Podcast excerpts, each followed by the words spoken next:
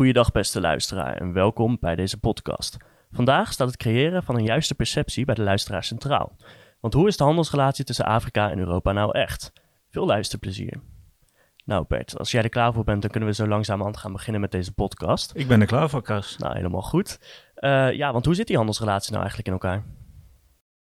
Uh, dat, nou, die handelsrelatie is eigenlijk al een, uh, een relatie die uh, decennia bestaat eigenlijk, hè, tussen Afrika en Nederland. als je praat over hout vanuit Afrika naar Nederland. Um, ik denk dat voor de Tweede Wereldoorlog eigenlijk al landen begonnen met bosexploitatie in, in Afrika, in de, in de Gabon, in Cameroen. Uh, ik kan me nog herinneren dat uh, iemand mij zei dat uh, zelfs de jachtvliegtuigen van, uit de Tweede Wereldoorlog, vanuit Engeland, dat die bekleed waren met triplex, ook al meer triplex vanuit, vanuit de Gabon. Oké. Okay. Dus dat is ja, enkele decennia lang al loopt die houtstroom. voor Nederland werd het belangrijker in de jaren 50, 60 toen er echt stammen vanuit Afrika naar Nederland kwamen. in Nederland waren dus eh, houtzagerijen die, uh, die stammen verzaagden naar gezaagd hout. En heel langzaam in de jaren, eind jaren 60 zijn de Nederlandse bedrijven vertrokken naar Afrika, vooral naar Cameroen, Ivoorkust, Ghana, om daar zelfzagerijen uh, te bouwen. Dus het, de stammen kwamen niet meer naar Nederland, maar die werden gewoon in Afrika verzaagd door Europese bedrijven. Oké. Okay. Ehm, dat, dat is eigenlijk dat, tot aan de jaren 80, 90 is, liep dat eigenlijk. Uh, er kwam meer en meer gezaagd hout vanuit Afrika, minder en minder uh, rondhout. Totdat uh, in de jaren 80, 90 Ivoorkust stopte met de uitvoer van rondhout. Dus heel langzamerhand kwam er een stop op de export van, van rondhout. Cameroen heeft het ingevoerd in 2000.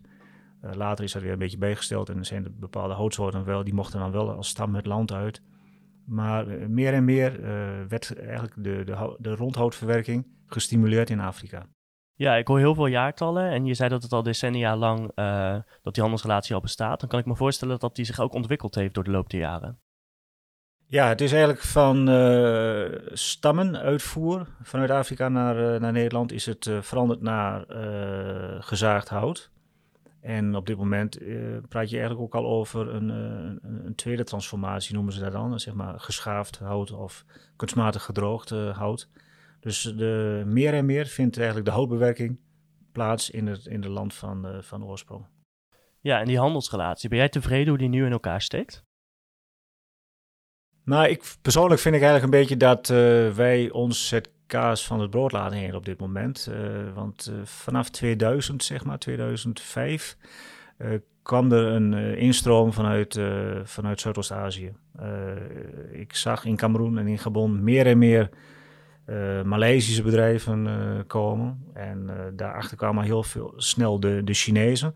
En je ziet gewoon dat op dit moment de Aziatische landen de overhand hebben in, in Afrika. eigenlijk in elk land. Nou ja, er zijn uh, vervolgstappen zijn nu dat sommige Aziatische bedrijven wel richting uh, legaliteit en zelfs duurzaamheid gaan, maar 90, 95 procent van die Aziatische bedrijven die hebben daar eigenlijk helemaal niks mee te maken. Die, uh, die gaan voor de grondstof hout. En het maakt er niet uit hoe dat gekapt wordt. En ja, dat is, dat is schrijnend als je dat echt bekijkt naar sommige landen. Ja, want je hebt het over de, de grondstof hout inderdaad. En als ik aan hout denk, dan denk ik aan een plank hout die ik even ga halen bij de, bij de Gamma of zo. Uh, ik heb niet het gevoel dat er een schaarstaan is, maar volgens mij is er wel een heel groot schaarstaan aan die grondstof. Nou ja, op dit moment is uh, de vraag uh, naar hout enorm. door wat problematiek importeert Amerika op dit moment heel veel. China importeert heel veel. Dus de druk op, het, op de hoeveelheden hout wereldwijd zijn enorm. Daarom zijn die prijzen ook zo gestegen. Ik denk dat dat in de verloop der tijd, van tijd dat dat zich wel weer stabiliseert. maar het lijkt er wel een beetje op dat, of dat er echt schaarste is aan hout. Als je kijkt naar Afrika, daar, is ontzettend veel hout. Hè. Er is, uh, maar ontzettend veel hout gaat ook naar, naar China. Dat is eigenlijk het probleem. Als je kijkt wat, uh, wat die Chinezen doen uh, aan volumes, ja, dat staat in, in geen verhouding met wat, wat Nederland importeert vanuit, vanuit Afrika. En dat had ik eigenlijk graag anders gezien. Ja, want laten we dan even in de toekomst gaan kijken samen. Zijn ja, de huidige houtbronnen, zijn die over vijf jaar bijvoorbeeld nog wel zo gegarandeerd als dat we denken nu? Nou ja, dat, dat is ook zo. Kijk, als je kijkt naar wat uh, Nederland als hout importeert, dan uh, liggen die houtbronnen vaak ver weg. heel veel hout komt uit Zuidoost-Azië, uit Indonesië, Maleisië. er komen kant-en-klare houtproducten uit China. Zuid-Amerika komt veel hout vandaan, vanuit Brazilië. Afrika relatief weinig. Okay. er zijn een paar landen die die, die, die grotere houtstroom hebben richting uh, Europa, bijvoorbeeld Cameroen en Gabon. Maar als je kijkt naar al die andere Afrikaanse landen, dan gaat 90, 95 procent gaat naar China. Oké, dat is wel een heel groot percentage. Dat is inderdaad een, een ontzettend groot percentage. En als je kijkt ook wat daar, uh, wat daar gebeurt. Het, het, mooie was dat ik uh, afgelopen jaar een marktverkenning heb uitgevoerd voor een heel groot Europees bedrijf. Dus ik heb eigenlijk een inventarisatie gemaakt van al die Afrikaanse landen. En als je dan kijkt wat daar gebeurt, uh, vooral door, uh, door Chinezen, dan is dat uh, ja, schrikbarend. Hè? ja, dat, dat is, Dat is echt ontbossing, dat is illegale houtkap. Um, ja, dat is, dat is niet goed voor Afrika en niet goed voor het bos. Nee, want ik meen, ik meende gelezen te hebben dat jij je enorm inzet voor ethiek binnen de houthandel. ja, wat doet dat met je? Dat je dan ziet dat 90% van het hout naar, naar Chinezen gaat? Nou ja, ik, heb, uh, ik zit bijna 30 jaar in die uh, internationale houthandel. Dus ik, uh, ik heb ontzettend veel in de Congo-bekken gezeten, Ivoorkust, Tanzania, Zuid-Afrika. Dus ik heb wel een redelijk goede kijk op wat er op dit moment gebeurt. Um, nou, dat, is, dat doet me, ja, dat, dat, is, dat, is, dat geeft eigenlijk een, een, een, een nare smaak in je mond eigenlijk. Hè? Als je ziet wat die Aziaten daar doen, ik heb het gezien in de Gabon, andere landen. Uh, echte pure ontbossing, zich niet houden aan de, aan de boswet. Uh, sociale omstandigheden in die zagerijen zijn zeer slecht. De rechten van de arbeiders worden met voeten getreden. Dus ja, ze, ze zijn echt gewoon slecht bezig. Niet allemaal, maar wel een heel groot gedeelte. En ik denk dat wij als Europa juist onze relatie met Afrika aan moeten halen. Ik ehm, en dat we ook moeten kijken naar andere houtsoorten. Je, de, de, druk op de bestaande houtsoorten, zeg maar de commercieel verhandelbare houtsoorten, is vrij hoog. Maar er zijn nog zoveel andere houtsoorten. Daar moeten we ook naar kijken. Ja, want wat zijn de bekende houtsoorten op dit moment? Nou ja, je hebt enkele houtsoorten. Uh, Okume, uh, Sapeli, uh, Azobe. dat zijn houtsoorten die eigenlijk aan de, aan de max zitten qua exploitatie. Dus de jaarlijkse bijgroei wordt ook geëxporteerd. Dat betekent wat bijgroeit, wordt ook gekapt. Er zijn andere houtsoorten die minstens net zo goed zijn, uh, die gewoon niet gebruikt worden. Dus daar, daar is de jaarlijkse bijgroei ook uh, enorm van, maar die worden nooit gekapt, want die worden niet gebruikt. Daar zijn geen toepassingen voor. Oké. Dus we zouden eigenlijk ook die houtsoorten moeten stimuleren. En nou wordt dat ook wel veel gedaan. En ik hoor mensen al zeggen van ja, we hebben hier de plank vol liggen met, met monsters. Maar het gebeurt gewoon niet. Dus die, die, die, die, die houtwereld ja, is, is, vrij fix en zit iedere keer op die paar bekende houtsoorten, zeg maar. Ja, en daar, daar is de druk enorm. Dus de, de, de, de, wat ik zei, dus de volumes die bijgroeien worden gekapt. Dat betekent, ja, dat, en, en misschien wel iets meer. Dat betekent dat er toch een teruggang is in de, in de beschikbaarheid van die houtsoorten. En dat het eigenlijk een soort verschraling is van het, uh, van het bos. Ja, maar een bos heeft veel meer houtsoorten, dus we zullen ook die andere houtsoorten moeten gaan gebruiken. Ja, want hout is je passie, Afrika eigenlijk je liefde. Um, ja, ik, ik, even een bruggetje naar eerder. Je benoemde legaliteit van hout. Waarom is dat zo essentieel? Nou ja, legaliteit is het, uh, is het minimale, zeg ik. Um, er zijn mensen die, die echt gaan voor 100% duurzaamheid. Dus die zullen gaan zeggen van nee, we gaan alleen voor FSC. Dat is uh, aantoonbaar duurzaam. Um, dat is prima. Daar ben ik het ook helemaal mee eens. Maar er is nog zoveel tussen illegaal hout en duurzaam geëxploiteerd hout. Dat is gewoon legaal aantoonbaar hout. Want wat maakt hout illegaal? Uh, het wordt illegaal als uh, bedrijven zich dus niet aan de wet houden. Uh, en, en, de wet is vrij goed omschreven. Er is een wet in de Cameroen, er zijn boswetten in de Gabon, Ivoorkust. Ja, als iedereen zich nou aan die wet houdt, dan is het gewoon legaal. Uh, dat kun je aantonen door een uh, legaliteitscertificaat. Maar de problematiek is natuurlijk een stukje corruptie die daar plaatsvindt. Dus dat zie je ook weer met die Aziaten. Die, dat zijn toch opportunisten, die gaan er helemaal in mee. een koffer met geld opent alle deuren en maakt alles mogelijk. En dat is natuurlijk ja, schandalig eigenlijk. Dus het moet inderdaad gewoon minimaal legaal aantoonbaar zijn. En daar zijn wel certificaten voor. Want door je niet aan die wet te houden, kun je dus wel meer inkomen genereren. Ja, dat is natuurlijk nog steeds een beetje die oude wereld die, eh, waarvan ik dacht dat het minder zou worden. Uh, maar nu ook door de aanwezigheid van Aziaten, dat het toch weer sterk terugkomt, is dat uh, de macht van geld gewoon telt eigenlijk. Hè? En met geld kun je gewoon in Afrika alles regelen. Ja, en dan is het aan jezelf om te zeggen van doe ik dat of doe ik dat niet. Nou, bij mij uh, staat legaliteit uh, echt is, is belangrijk iets. Ehm, en niet alleen legaliteit, maar ook gewoon sociaal verantwoord. Gewoon, je mag misschien, ja, misschien wel rechtvaardig houdt gewoon. Afrika gaat maar mijn hart, dus minimaal legaal inderdaad. Ja, oké. Stel nou, iemand is deze podcast aan het luisteren en die, je hebt interesse gewekt, wat zo is, anders luister je nu niet nog de podcast.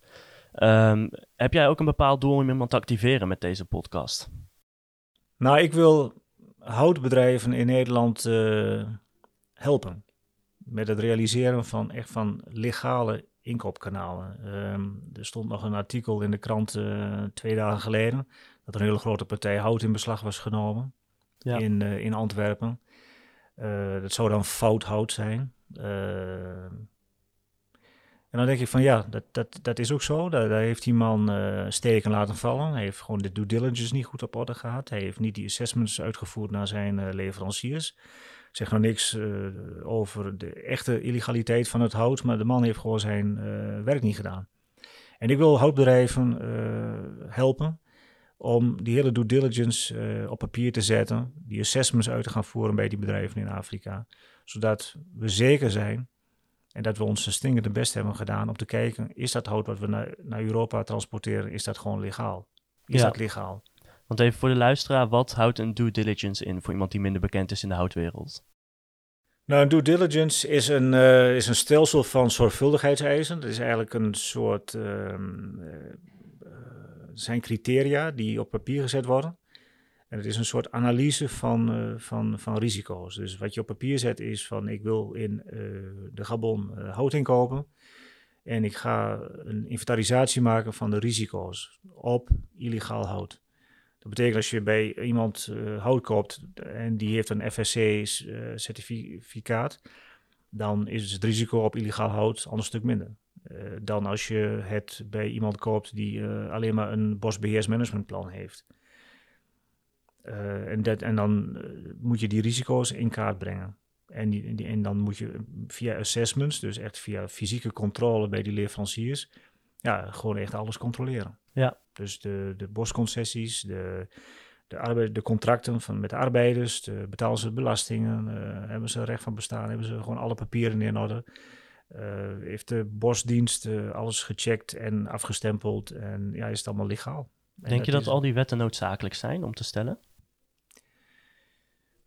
Nou, het probleem is dat door corruptie uh, ja, heel veel uh, stappen kunnen worden overgeslagen. En ja, je kunt dan een oog dicht doen, of misschien wel beide ogen dicht doen en zeggen van ja. het is wel goed zo.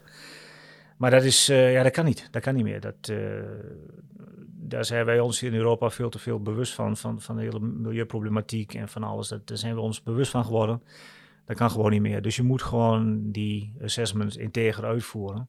En misschien wel door een onafhankelijk iemand uh, laten controleren. En zeggen van, nou, dit, deze leverancier heeft gewoon echt alles in orde. En is dus gewoon uh, legaal. We hebben ons best gedaan. Dus we kunnen met, uh, met, met, het hart op, met de hand op het hart zeggen van, nou, dit is, dit is, dit is fatsoenlijk oud, zeg maar. Ja, ik kan me voorstellen dat als je hart pompt voor Afrika, dat je echt wel blij bent met het feit dat de milieuproblematiek zo wordt aangekaart in Nederland. Dat mensen zich daar bewust van zijn. Ja, nou dat is ook, uh, ik denk dat het de laatste 25 jaar is. Voor die tijd uh, speelde dat eigenlijk gewoon veel minder. En het is nu de laatste 25 jaar, zeker nu ook de laatste vijf jaar nog eens een keer weer, dat dat echt goed aangeswengeld wordt. En ik ben het daar helemaal mee eens. Afrika is een veel te mooi continent. Uh, de bossen zijn mooi, de natuur. Uh, het is een fantastisch werelddeel. En het zou jammer zijn dat dat gewoon door uh, ja, totale ontbossing uh, ten gronde gericht wordt. Ja, want niet elk mooi verhaal heeft een mooie, mooie afloop natuurlijk. Dus ik kan me voorstellen dat Afrika ook zijn, keer, zijn keerzijdes heeft. Nou ja, Afrika is natuurlijk een heel moeilijk continent. Ik heb daar 30 jaar gewoond en geleefd, Kas. En natuurlijk is Afrika een fantastisch mooi continent. Wat ik net zei, de natuur, de cultuur, prachtig. Maar Afrika heeft natuurlijk ook een hele moeilijke en donkere kant. Het zijn hele opportunistische mensen. En ja, ze staan totaal anders in, de, in, in het leven. En uh, het is soms uh, vrij lastig om daar uh, zakelijk iets, iets, iets, iets, te, iets te doen, zeg maar. Ja, want hoe verschillen zij daarin van Nederland? Ja, dat is, het is een totaal andere maatschappij, een totaal andere cultuur. Mensen zijn opportunistisch, ze leven bij de dag. En ja, het maken van afspraken, uh, intimidatie, uh, is, is, is, is vrij lastig. Het is, je kunt gewoon uh, vrij moeilijk met, met die mensen samenwerken, inderdaad. Ja. vooral als het op, op geld aankomt. Hey, en Bert, laten we het even hebben over wat jij kan betekenen voor houthandels in Nederland. Hè? Stel, iemand is geïnteresseerd in, in houthandel in Afrika. Wat kan Bert Remerink met Woodvice nou voor die persoon betekenen? Nou, ik wil Kort gezegd wil ik eigenlijk Afrika tastbaar maken voor de Nederlandse houthandel.